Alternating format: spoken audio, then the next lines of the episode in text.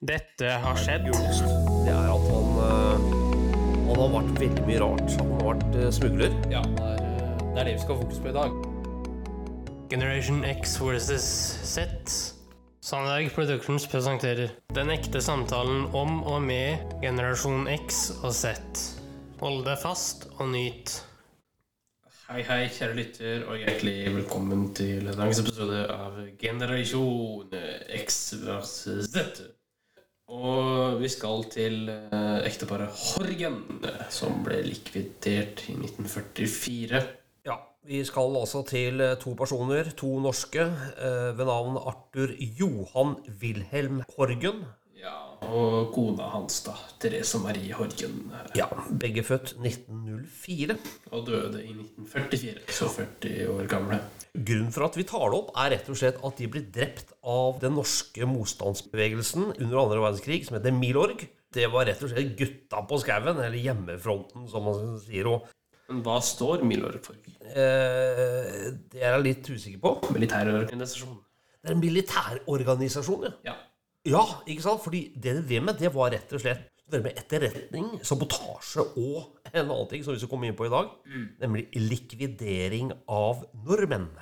Men hvem var egentlig de to, uh, Henrik?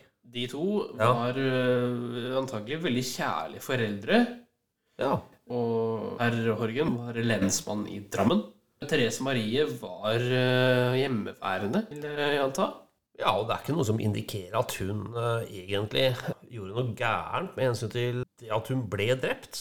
Det vi skal fram til egentlig nå, det er uh, hvorfor de ble drept. Så det vi skal høre nå, Henrik, er vel en annen podkast av en uh, historiker. Og det er, dette er en spennende historie, folkens, så det er bare til å lytte.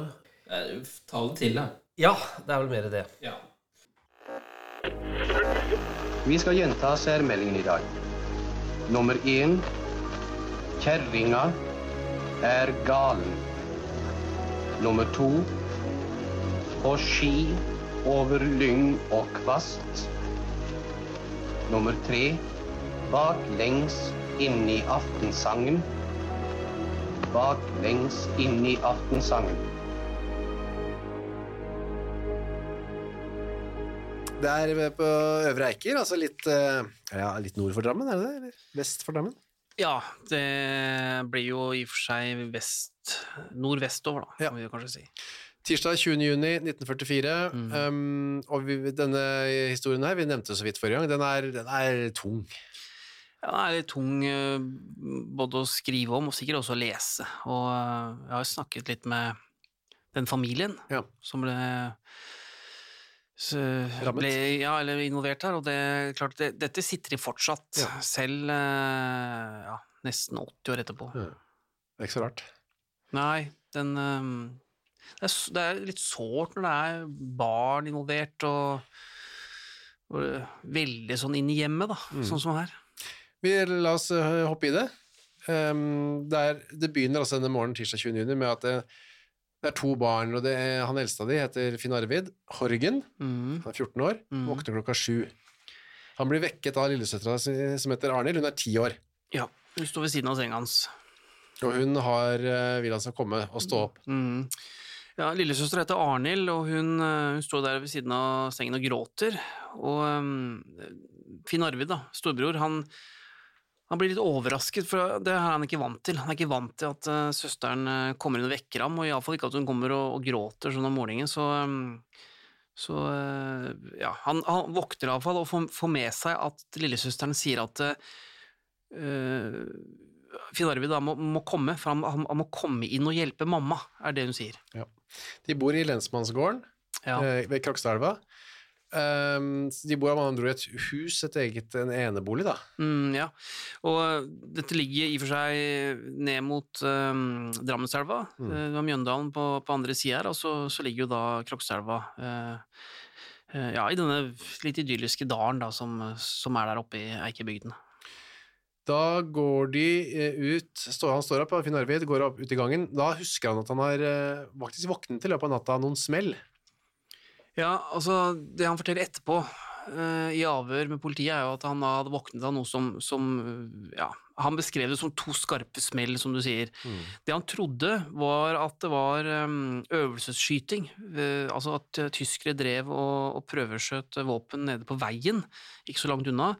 Og det var ganske vanlig, så han hadde ikke lagt så mye, mye i det, og, og forsøkt å Eller hadde sovnet igjen. Eh, Og så sa han også at han muligens hadde hørt en bil utpå natta der, men eh, hadde ikke tenkt så mye over det heller, så, så han hadde i og for seg sovet, eh, sovet gjennom.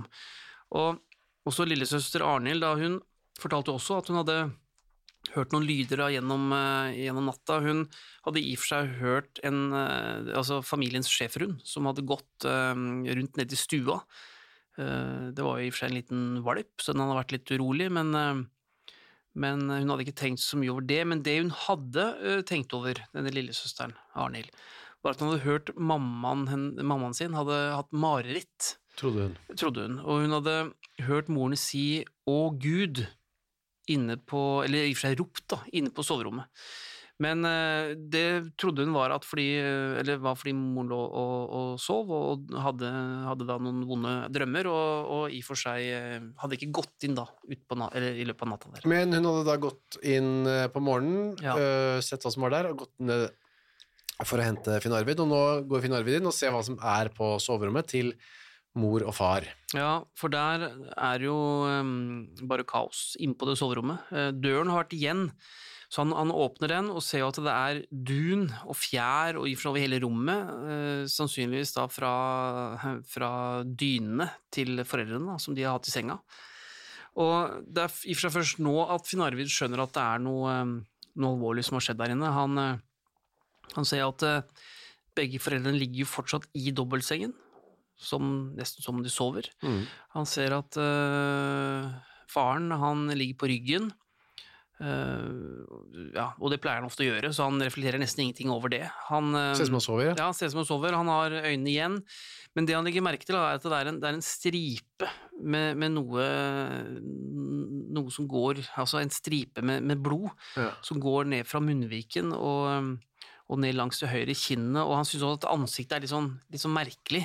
Litt sånn, litt sånn rart uttrykk. Um, Munnen er åpen, øynene er lukket. ja, ja. Og så legger han merke til at eh, på nattbordet så står telefonapparatet urørt. Så hvis noe har skjedd her, så har i hvert fall ikke faren forsøkt å, å, å ringe noen eller be om hjelp. Det er det han tenker. Moren er det verre med. Ja, det er jo da han virkelig skjønner alvoret her, Finn Arvid, da, for han ser at moren hun har blitt kastet ut av sengen, og ligger da i og for seg med hodet vendt inn mot overkroppen til, eh, til mannen sin, men, men beina de ligger utenfor eh, madrassen og, og i og for seg ned mot gulvet. Og så har, eh, er det hennes dyne som har, har revnet, og det er i og for seg dun og fjær overalt, og også over disse to menneskene da, som, som ligger da i, i senga, som er foreldrene til de to barna, Finn Arvid og, og Arnhild. Og de heter da Therese Marie og Arthur Johan Wilhelm Horgen, og de, de er da et ektepar på, på 40 år. Begge to, ja. Og begge to er da døde. Begge er døde. Og eh, det bildet da som eh, disse barna ser her, det, disse bildene har jo du også sett, på en måte. Ja, det ble tatt mange bilder av, eh, av det åstedet her, for det var en veldig spesiell sak. Og eh, Hvordan, bare si hvordan det var å se det. Nei, jeg syns det når Man sitter og skriver om 84 likvidasjoner, så blir man litt sånn uh, herda etter hvert. Mange av de er det tatt bilder av, og det er mye fælt å se av døde mennesker. Men akkurat det her gjorde litt spesielt inntrykk, fordi det er et soverom til et ektepar i et familiehjem, og øh, og da, da blir det veldig nært.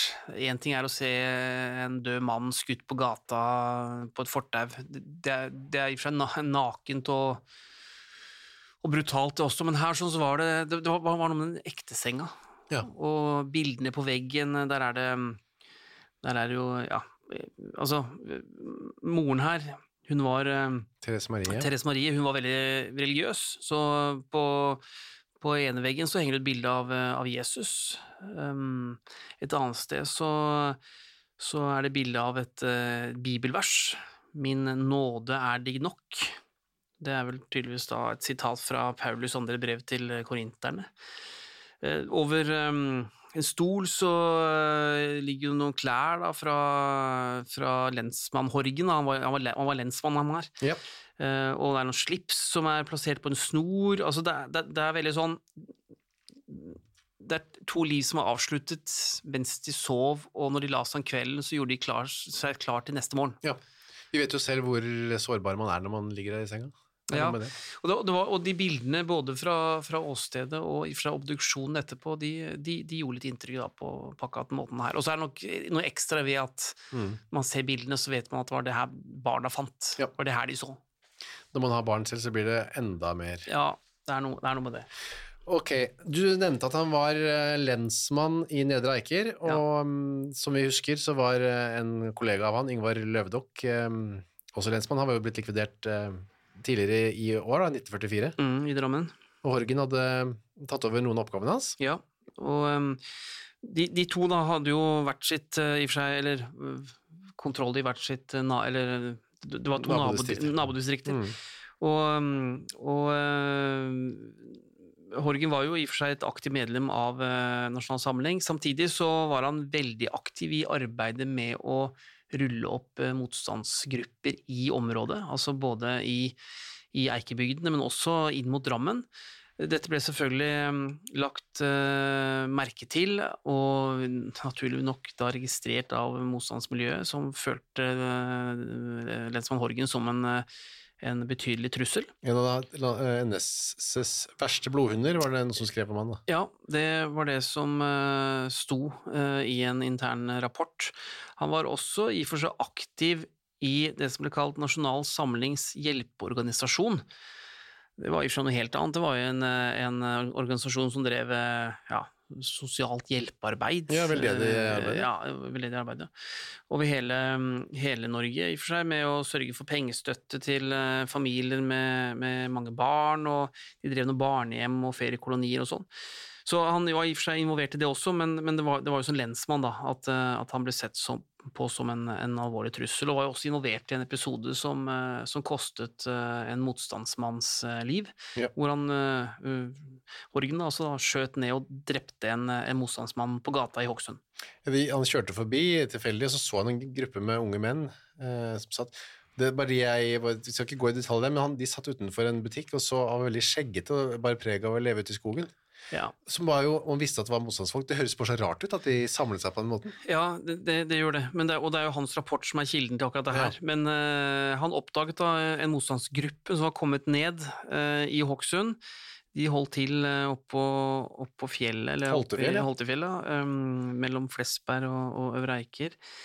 Eh, Studenter. ja, og de, de drev der oppe og fikk noe trening i noe sabotasjeoppdrag og sånn, og hvordan de i og for seg var kommet seg ned dit, og hva de gjorde nede i Hokksund, det fremstår som litt sånn, eh, sånn, sånn i og for seg litt merkelig, men de skulle da annet utføre sabotasjeaksjoner og sprenge kontorene da til, eh, til Norges arbeidstjeneste. Ja, Så det var fire sportsglade karer, som det ble sagt, med islender og skjegg. Så det var jo, da ble han eh, naturlig nok da, mi- mistenksom, Horgen. Ja, og han, eh, han stoppet jo da, ville sjekke disse, disse karene, og det er, jo, det er jo der det blir tatt frem skytevåpen, og det ender jo da med at, at lensmann Horgen dreper en av dem, en eh, 32-åring. Finn Reidar Andersen het han. Blir skutt, ja. Ja, og um, han blir i og for seg drept nærmest momentant, og, og blir da liggende i, i, Brugata i Hokksund, Ja. hvor, eh, hvor han da etter hvert eh, blir fjerna, men, men liket blir liggende der, og, og alle får med seg det som har skjedd. De tre andre blir etter hvert blir alle arrestert, for den ene klarer å stikke av, men blir tatt. Mm. Eh, Blir angitt på en søkehjelp eh, og går i dekning, men så blir han angitt av hun som bor der. Og så um, viser de etter hvert, eller forteller hvor de holder til, da, på Holtefjell, og da, da er politiet sammen med Horgen, da, og arresterer seg seks til. Ja, Så det var jo til sammen ti studenter da, som enten ble arrestert eller Ja. Og det er en aksjon som, som skjer her oppe, som uh, i og for seg Horgen er uh, veldig aktiv i. Ja.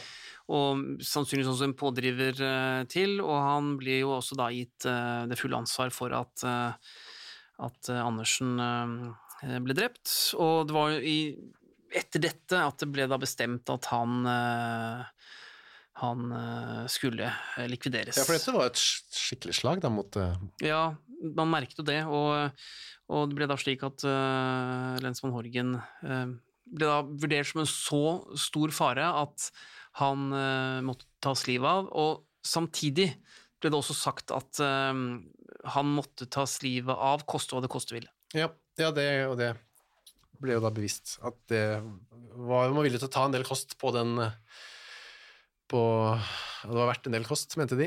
Ja, altså, det, det var jo her um, gjort en del spaningsjobb rundt ham.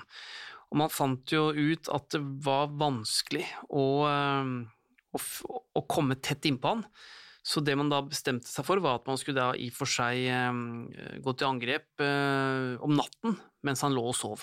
Før vi går til det, så s- Han var også litt sånn eh, Ikke under lupen, da, men han hadde ja, fått en bot, Horgen selv, da, og hadde skutt en elg eh, en, eh, og brukt tjenestebilen litt sånn ureglementert. Han hadde liksom litt sånn uh, skeiet på et par måter, det kan ha vært, som du skriver i boka, at eh, med et par sånne litt sånn flekker på rullebladet sitt, fall at han hadde fått kanskje litt korreks, da, og en bot på 500 kroner, som var mye på den tiden, Mm. så kan det hende at han var litt ekstra ivrig for å på en måte kompensere for uh, Ja, og nettopp for å komme seg unna uh, den uh, skrapen i lakken han hadde fått, så frykter man jo at han kunne komme til å bli enda mer ivrig, da, som du sier. Og, og det kan ha vært med på å ta denne avgjørelsen, som i og for seg um, ble mye diskutert i Milorgs eh, lokale ledelse i Drammen. Ja. For eh, det man var redd for, var jo at ved å, å ta ham, så kunne man få en del eh, represalier mot, mot lokalmiljøet, men også at det var Og det måtte gjøres da i familiens hjem, Ja. og der bodde det hos andre. Det var vår eh, venn Johan Edvard Hallaksen som fikk oppgaven. Mm. Det er samme som Dr. Løvdokk, ikke sant? Mm. Ja. Ja. Samme person. Så han var jo på en måte kjent i distriktet, han da. Eh, han tar med seg en uh, makker, Mm. Arne Elvehjem, Mm. som er 27 år. Han var, med, også en, han, han var en Drammensgutt. Ja, og var- sentral i Milorg der. Ja. Så de uh, spaner, som du sa, på denne gården og bestemmer seg for å ta Horgen om natta når han sover, ved å kaste håndgranater. Ja, inn på soverommet. Og det, det man eh, I tillegg til å fjerne lensmann Horgen som problem, så håpet man jo også at det kunne sende noen andre signaler. Mm. I rapportene så står det tydelig det at ved å angripe uh, lensmann i hans hjem, og eventuelt også ramme kona hans, så vil man sende et um, signal som, man, som kunne gi noen langsiktige konsekvenser, nemlig at ansatte i politietaten de skulle ikke føle seg trygge, selv ikke hvis de befant seg hjemme i sin egen eh, seng på sitt eget soverom sammen med sin egen kone. Og um, konsekvensene kunne bli, uh, håpet man da, at politifolk skjønte at øh, heller ikke familiene var trygge. Nei, det var det jo ikke da. Nei, og det er, det er ganske brutalt, men på et vis forståelig. Fordi nå er man jo kommet inn uh, i en uh, ganske brutal fase av andre verdenskrig. Vi nærmer oss eh, slutten, og det hardner til på begge sider. Og da ønsket man jo fra motstandsbevegelsens side å, sende dette tydelige signalet om at eh, rammer dere oss for hardt, blir dere en for stor trussel mot oss, så, eh, så tar vi dere, men vi kan også ta familien deres Ja, det er, det vi, ja. Mm, vi, i motstandsbevegelsen. vi går lenger enn før. Ja. Um, en av grunnene til at man ikke, eller kanskje den viktigste grunnen til at man ikke ville prøve seg på Horgen på dagen eh, utendørs, var fordi han, som vi, man fikk demonstrert i Hokksund, var, var bevæpnet og god til å skyte. Ja. Hadde jo akkurat skutt en mann ned på åpen gate. Ja, han var en god skytter, alltid bevæpnet, og han gikk også ofte med en hund. Ja. Og uh, i tillegg så var han uh, sjelden alene, var sammen med andre kolleger, tyskere norske. Så, så det, det var altså dette om natten, når han sov, at han var sårbar og kunne tas. Så da er det dette Ok, han ligger på um, soverommet, og der ligger også kona. Det er det som er uh, det, ble, det var ikke sånn at man bare svelget det uten videre, man, det var en diskusjon. Skal man ta sjansen, eller man regnet med at hun kom til å dø, skal man gjøre det eller ikke? Mm. Og da, det medfører også at barna da mister begge foreldrene. Mm. Det var jo, må jo ha vært en del eh, debatt. Ja, og eh, det står det jo også i dokumentene at, eh, at det, det var en del diskusjon, eh, og først og fremst da fordi man ville gjøre to mindreårige barn foreldreløse, og hvordan ville det da, gå med dem. Men eh, det ble likevel bestemt at eh, Therese Marie også kunne drepes hvis det var nødvendig for å ta, ta livet av eh, Arthur Johan Wilhelm Morgen, som var da hennes ektemann. Ja. Så det, er ok, da bestemmer man seg for å kaste håndgranater inn gjennom vinduet der hvor de sover, men i naborommet så ligger jo barna. Ja, og det ble visstnok også diskutert da, risikoen for at også man ville drepe de to barna, eller eventuelt påføre dem eh, Skader. skader eller, eller, eller noe annet. En brann kunne Eh, Ja, altså. ikke sant. Men eh, det ble nå da likevel vurdert sånn at eh, ved å kaste håndgranater inn i senga, så ville ikke splinter kunne trenge gjennom veggen, og det ville heller ikke oppstå noen form for eksplosjon, som igjen ville da føre til en brann. Og det ble i og for seg også brukt noen spesielle typer granater som var, hvis du hadde en litt sånn annen type og kanskje noe redusert sprengkraft, som gjorde at det kunne brukes inne i et rom uten å påføre veggene eller, eller, eller ødelegge rommet såpass at, at splinter ja, gikk gjennom veggene. Det, det er nok den vurderingen som ble tatt. Therese, hun var, skriver du, ganske sannsynlig medlem i hennes, men du var ikke noe aktiv eh, nazist, eller? Nei, og jeg, det, der, altså, det har jeg virkelig brukt mye tid på å, å finne ut av, altså hvor aktiv var egentlig hun, men eh, jeg finner ingen i hvert fall offentlig dokumentasjon på at hun var noe mer enn et eh, ordinært medlem av Nasjonalsamling. Um, hun deltok ikke noe aktivt i noe partiarbeid, og ja, man kan jo anta da at hun var mm, NS-medlem enten i, i solidaritet med mannen sin, eller at det føltes helt naturlig å melde seg inn, i og med at eh, mannen hennes var såpass aktiv som han var, og hadde en, eh, en eh, eh, høyere politistilling som, som, eh, som eh, lensmann. Men eh, jeg har gått gjennom eh, stort sett alt av lokale aviser og publikasjoner fra de årene her, og hun er ikke nevnt ett sted. Uh, Iallfall ikke mm, annet enn at hun, hun var aktiv i, i Frelsesarmeen og, og eh, hadde muligens noen selskaper hjemme i, i lensmannsgården der med, med noen, eh, noen NS-medlemmer og sånn. Men uh, dette her kan også bare i og for seg være et uh, sånn ønske som kone da, om å være vertskap for mannens uh, omgangskrets. Ja. Så Hun var ikke noe mål i seg selv. Nei, hun kan ikke ha vært det. Da, altså, hun står ikke på en eneste liste over noen angivere eller, eller noe som kan aktivt linkes til eh, å være en trussel mot uh, motstandsarbeidet. Collateral eh, damage, er det ikke det de kaller det i Amerika? Ja. Um, ok, da går vi til 19. juni 1944. Ja. Det er jo noen 14 dager nesten siden eh, det dagen, da, så ting er jo ferd, virkelig i ferd med å skje i Europa. da. ja. Det drar seg til, som du Det sier. drar seg til, ja. Eh, Det var en varm kveld. Mhm. Eh, blomster og syrins dufter, ja. Ja, altså det, jeg, jeg fant jo opp en del eh, avisartikler da fra, fra, fra de lokale Ja. eh, publikasjonene her, og, og um, man, eh, man eh, omtaler da at våren er kommet, eller sommeren er kommet for alvor, og eh, man hadde da hatt i distriktet sin første badesøndag. ja. Det hadde vært opptil 18 grader i, i Drammensfjorden. Og eh, ja, Drammenselva ble brukt av, eh, av, eh, av folk. Man var nede og brukte badestrendene. Det ble solgt sild og røkt torsk, og det var i og for seg livlig ute på fjorden der med både båttrafikk av ja, fritidsfartøy og, og rutebåter. Så, og, og man hadde jo faktisk også 25 grader her. Det er mye, det. Så det, det må ha vært en deilig forsommerdag. Og når det er varmt, så varmt ute, så ligger man med vinduene åpne. Det var det som skjedde om kvelden. Så kommer det to unge menn, da går inn denne eh, lyseste kvelden nesten i året. Nesten. Ja, Um, opp mot disse eikebygdene, da. Det var disse våre uh, ukas uh, likvidatører. ja Johan Edvard Tallaksen og Arne Elvehjem. De kommer tuslende opp, uh, har gått mye rundt omkring for å uh, rekognosere og se at det ikke er noe unormalt, eller at det er noen som har noe ekstra vakthold eller sånne ting. Mm. Men det er stille. Folk øh, legger seg, bygda går til ro.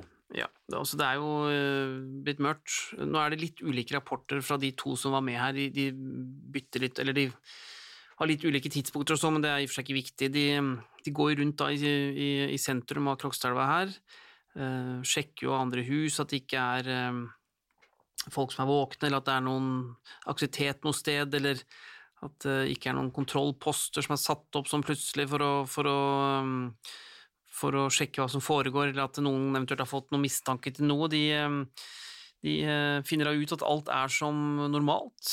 Uh, Bygda er uh, tom og helt stille, og de går da opp i skogen og, og venter da til det skal bli helt mørkt.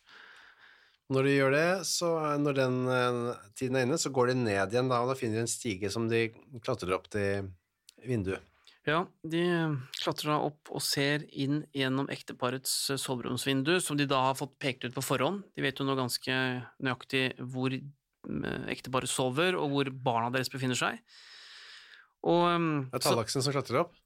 ja, og um, de Altså, det, er jo ventet at vinduet skal være åpent, og det, det er det jo i og med at det er sommer, som du sier. Men det de ser, er at det er en blendingsgardin som er trukket eh, ned fra innsiden. Eh, men Tallaksen han klatrer da opp, og det han forteller etterpå, at han vil være helt sikker på at det er bare ekteparet, Horgen, som ligger og sover, altså de to voksne, og eh, at barna ikke er inne på soverommet. Ja. Og det vet jo alle som har barn, at det plutselig så krabber opp noen der som eh, er redde eller sjuke eller eh, Mm. bare vil bare være der. Bare sove dere. Bare sove der. Og, men han ser, han ser ingen. Så det forsikrer de seg om. Ja, og iallfall er det det han skriver etterpå i sin rapport, at eh, han er helt sikker på at det ikke er barn inne i soverommet. Ja. Ja, så da um, er det jo bare å, å, å gjøre det, da. Ja, og Arne Elvehjem, han skriver jo uh, Eller han forteller videre da om det som skjedde, og han skriver at uh, vi var på stedet tidlig, klokka 24 ja, 03, altså 00.30, gikk inn i hagen og opp mot huset. Vi ble, vi ble enige om å ta hvert vårt vindu, for vi visste ikke sikkert hvor han lå. Ja, Det er altså to vinduer på, til soverommet, da, eller? Ja, det må det ha vært. Ja. Den ene håndgranaten falt midt i senga. Det ble veldig liv og rørelse da det smalt. ja. De er veldig kortfatta i formen, disse, også, Ja. disse gutta her. Det var ikke så mye Ikke så mye utmåling og Nei, det var ikke så mye forklaringer. Det skjedde. Så de, de, de står de da um, på stigen, eller står de på bakken og slenger de? De må ha klatret opp, kanskje? Ja, men det, jeg har jo sett bilder av hus, og det er jo sånn at det er jo litt treffsikker og Ja. Men det var mørkt her, så Den blendingsgardinen tenker jeg også på.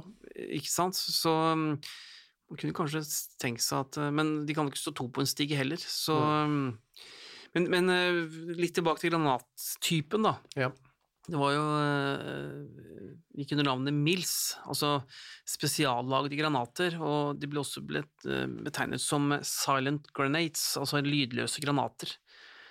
Så uh, ja, De sprengte ikke stille, da, men de var stille til de sprang. ja, det var ingen lyd når, eh, når sikringen ble løsnet da, fra, fra selve eh, granaten, og, og det tok akkurat fire sekunder fra granaten ble kastet til den eksploderte. Mm. Og det var jo da helt perfekt til et slikt eh, oppdrag, fordi her var jo et poeng at ingen skulle kunne våkne opp og, og, og forstå hva som skjedde, og så var det akkurat nok til at eh, de som kastet granaten, kunne komme seg i sikkerhet da, før det eksploderte. Begge granatene smeller. eh, mye liv og rørelse, som han sier, han en, av Elvehjem, da. Ja, han skriver også at det smalt bra, Ja.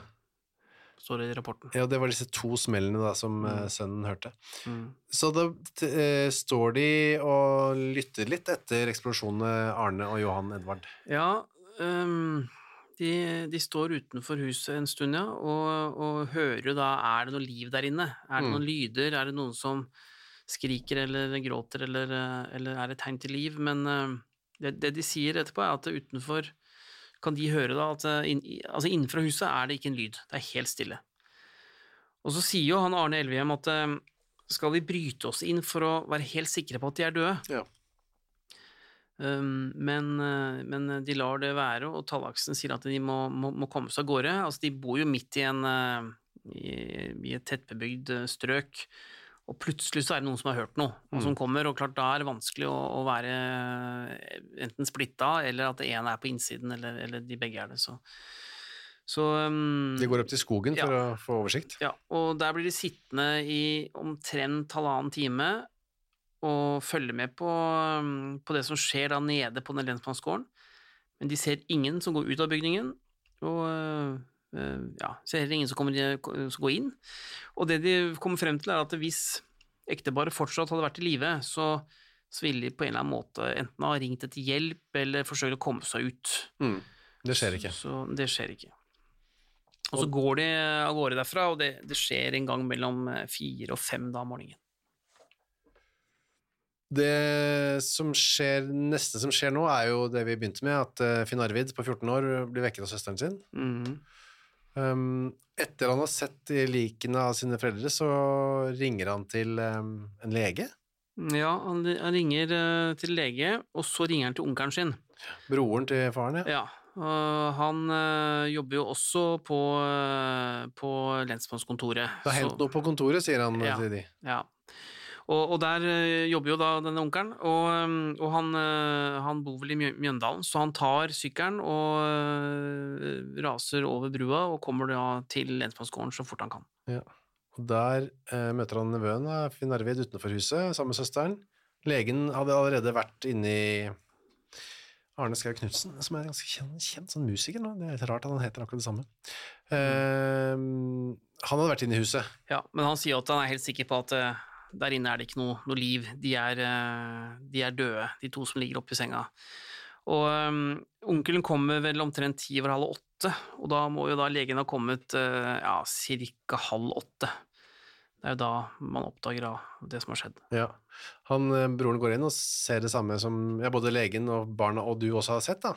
Disse to Ja. ekteparet som ligger der og er døde. Ja. Og at de er sprengt, skjønner han også da. ja, og da går jo også alarmen. Ja. For da skjønner de jo at det er en likvidasjon. Ja, eller et attentat, da, som det blir omtalt som. Ja. Og, og nå meldes det jo da til eh, ja, inn til statspolitiet i Oslo etter hvert, men eh, også til politikamrene i Kongsberg og Hønefoss, og også i og for seg ned til Drammen, og, og eh, i tillegg til lensmannskontor da, i hele distriktet, sånn Lier og Røyken, Hurum, Skoger, får da beskjed om at, om at lensmann Horgen er likvidert, og hans kone. Ja, det man finner ut eh, gjennom undersøker, er det vi har sagt, at eh, to kommer inn gjennom Nei, det eneste står i denne rapporten at en granat landet i fanget til eh, Therese Marie, den andre Mm. landet i gangen utenfor soverommet. Mm. Det er litt eh, rart, det, da. Ja, og det siste viser vel også at presisjonsnivået kan ikke ha vært spesielt stort. Um, ut fra bilder av huset så er det i og for seg ikke usannsynlig. Det er bare litt rart at de kaster inn granater granat til hvert sitt vindu når de var sikre på hvor de lå og sov. Mm. Så det er her det kan være at, eh, at rapporten kanskje har blitt litt pyntet på etterpå, og at det var litt mer tilfeldig eh, hvor disse granatene landa. Ja. Ehm, ja. For så kommer det politi, og det blir skriver rapport, og hun, ene skriver at uh, håndgranaten var eksplodert i Therese Horgens fang. Han virket relativt uskadet, men var død. Det var mye fjær, nokså makabert. Mm. Eller ikke noe sånn overdrevet. Nei da, veldig nøkternt og, og nedpå. Nå skal det også sies at uh, disse rapportene kan jo også ha blitt skrevet på en måte som skulle vise at det var mer tilfeldig enn hva det var. Ja. Nettopp for å stille motstandsbevegelsen i et, i et dårligere lys. Så eh, det er vanskelig for oss nå å si Hvem som hadde rett, ja. hvem som hadde helt rett her. Men bildene uh, der inne fra viser jo tydelig at det landa minst én granat oppi senga, Mm. og at den landet mellom bena og oppå dyna til, uh, til Therese Marie. Ehm, ja, så begynner politiet å undersøke, rundspør i nabolaget, og det er ikke så mye å hente der. Som så ofte før, så er det få som har fått med seg noe som helst.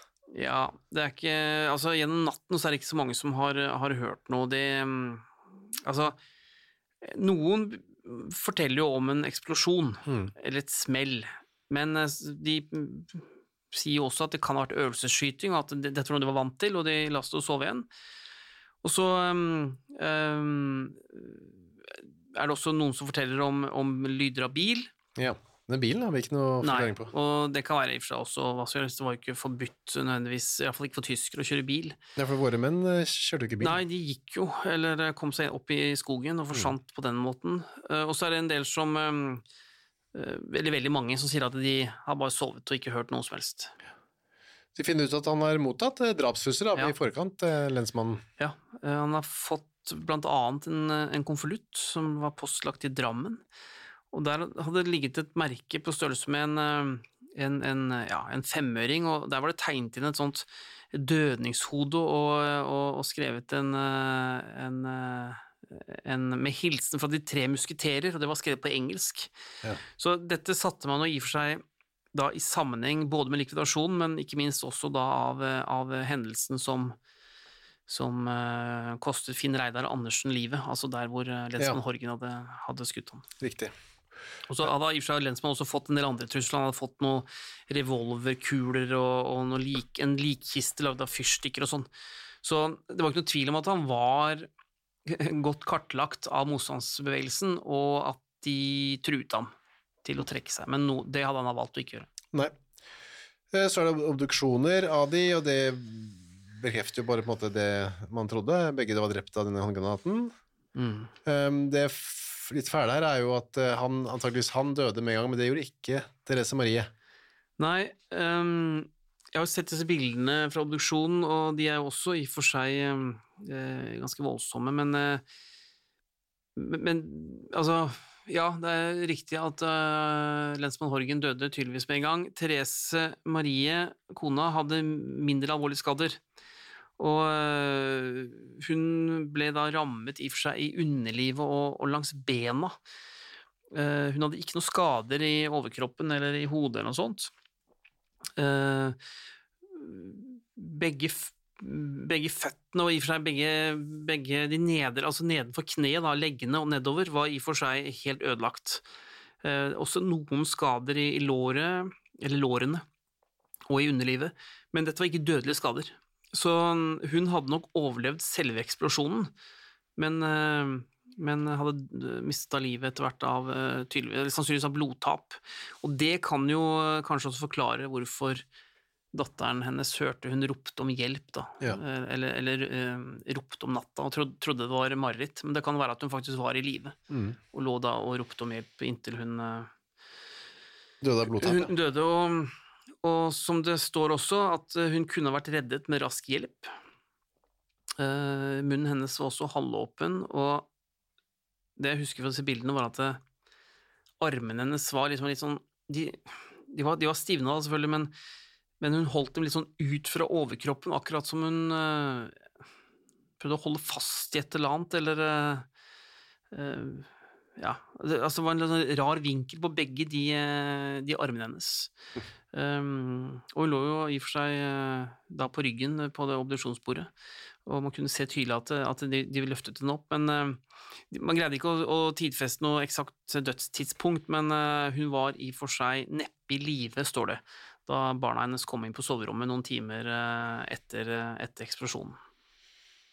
26. juni så blir begge begravet. Eh, Begravelsen det er en slags seremoni, da, i, bare hjemme i hagen. Ja, det var hjemme i hagen til Eller hjemme i, i hagen, som da ligger rundt lensmannsgården. Ja. Og eh, kistene der er jo dekka av masse blomster og kranser og, og sånn. Um, Som vi har vært med på mange ganger før. Alle Ja. hadde Quisling har sendt krans og Jonas Lie og ja, alle disse her. Mm.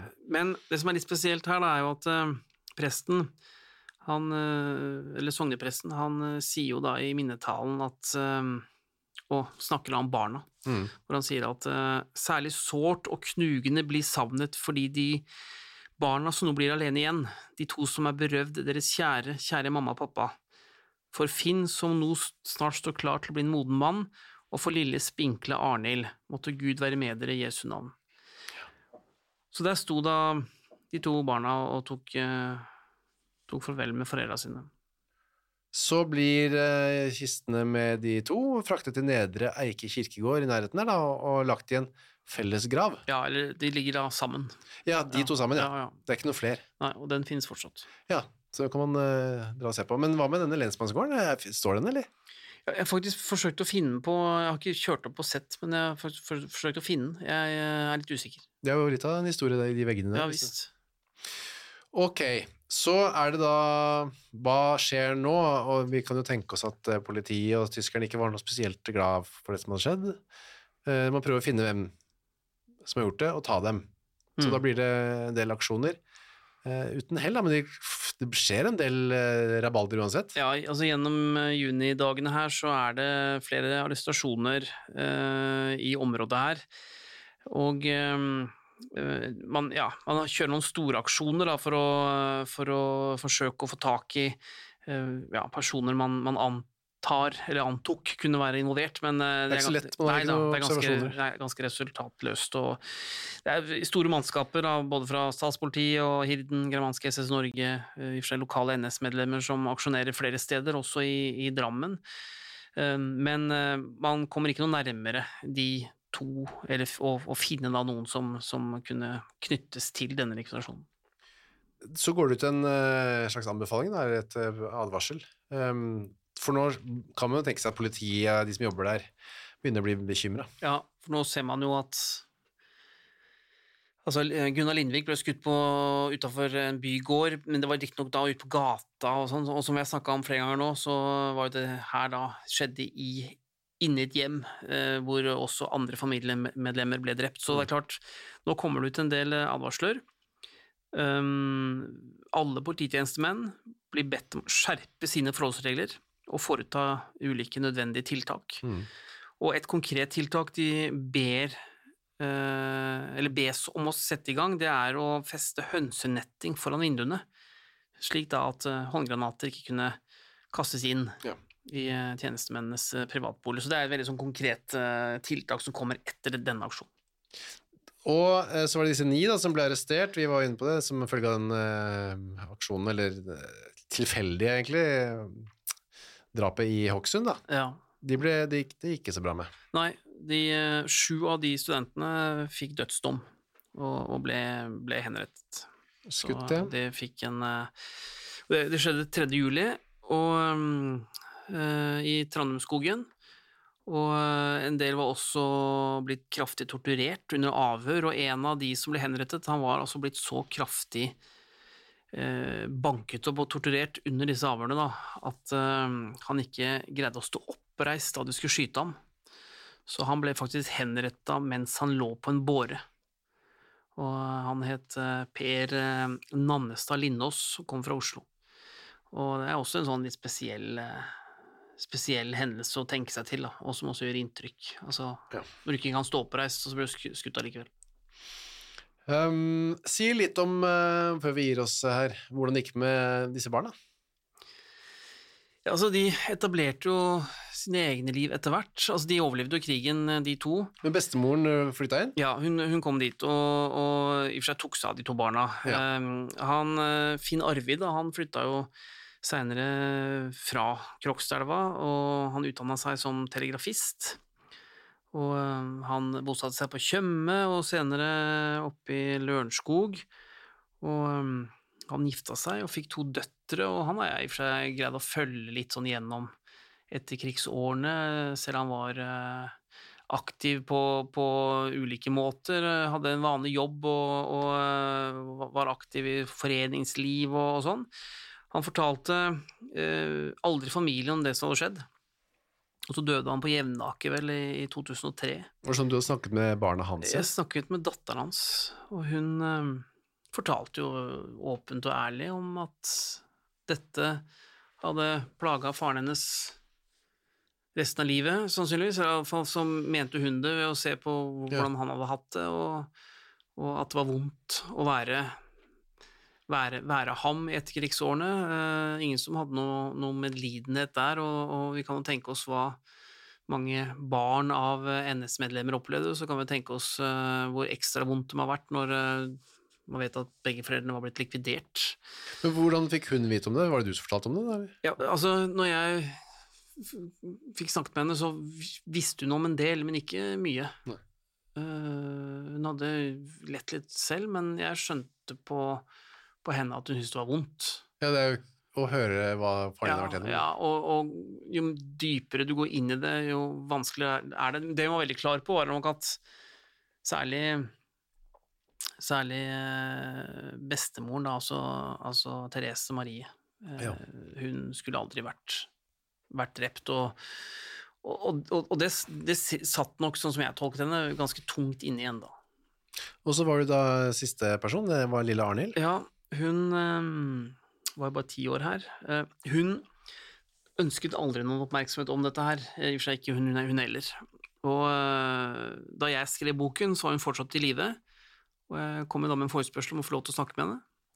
Men, men det ville hun ikke. Og hun var også veldig klar på, gjennom familien, at jeg ikke fikk lov til å gi noen detaljer om henne. Mm. Og det valgte jeg selvfølgelig å, å etterkomme. Men eh, ja, så, sist du sjekka, så lever hun fremdeles.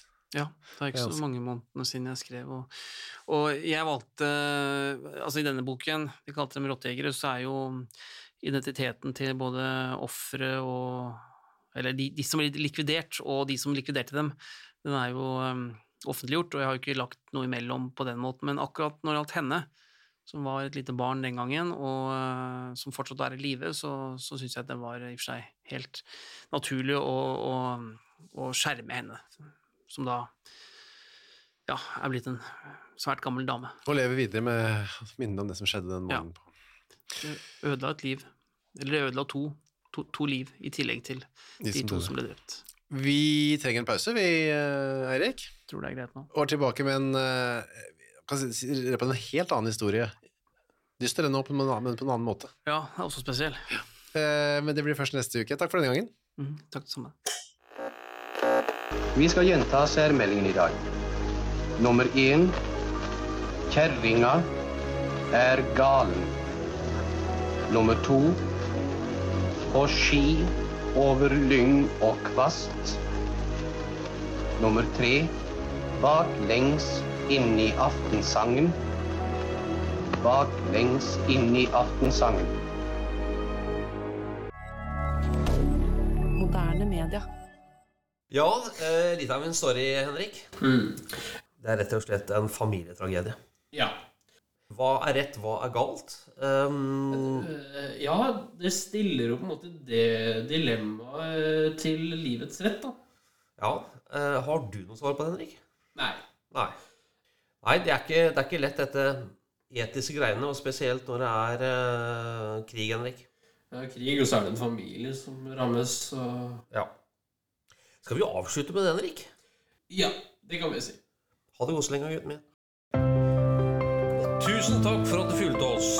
Gi gjerne tilbakemelding, likes eller kommentar på Facebook-siden vår Generation X versus Z. Velkommen igjen til neste podkastepisode.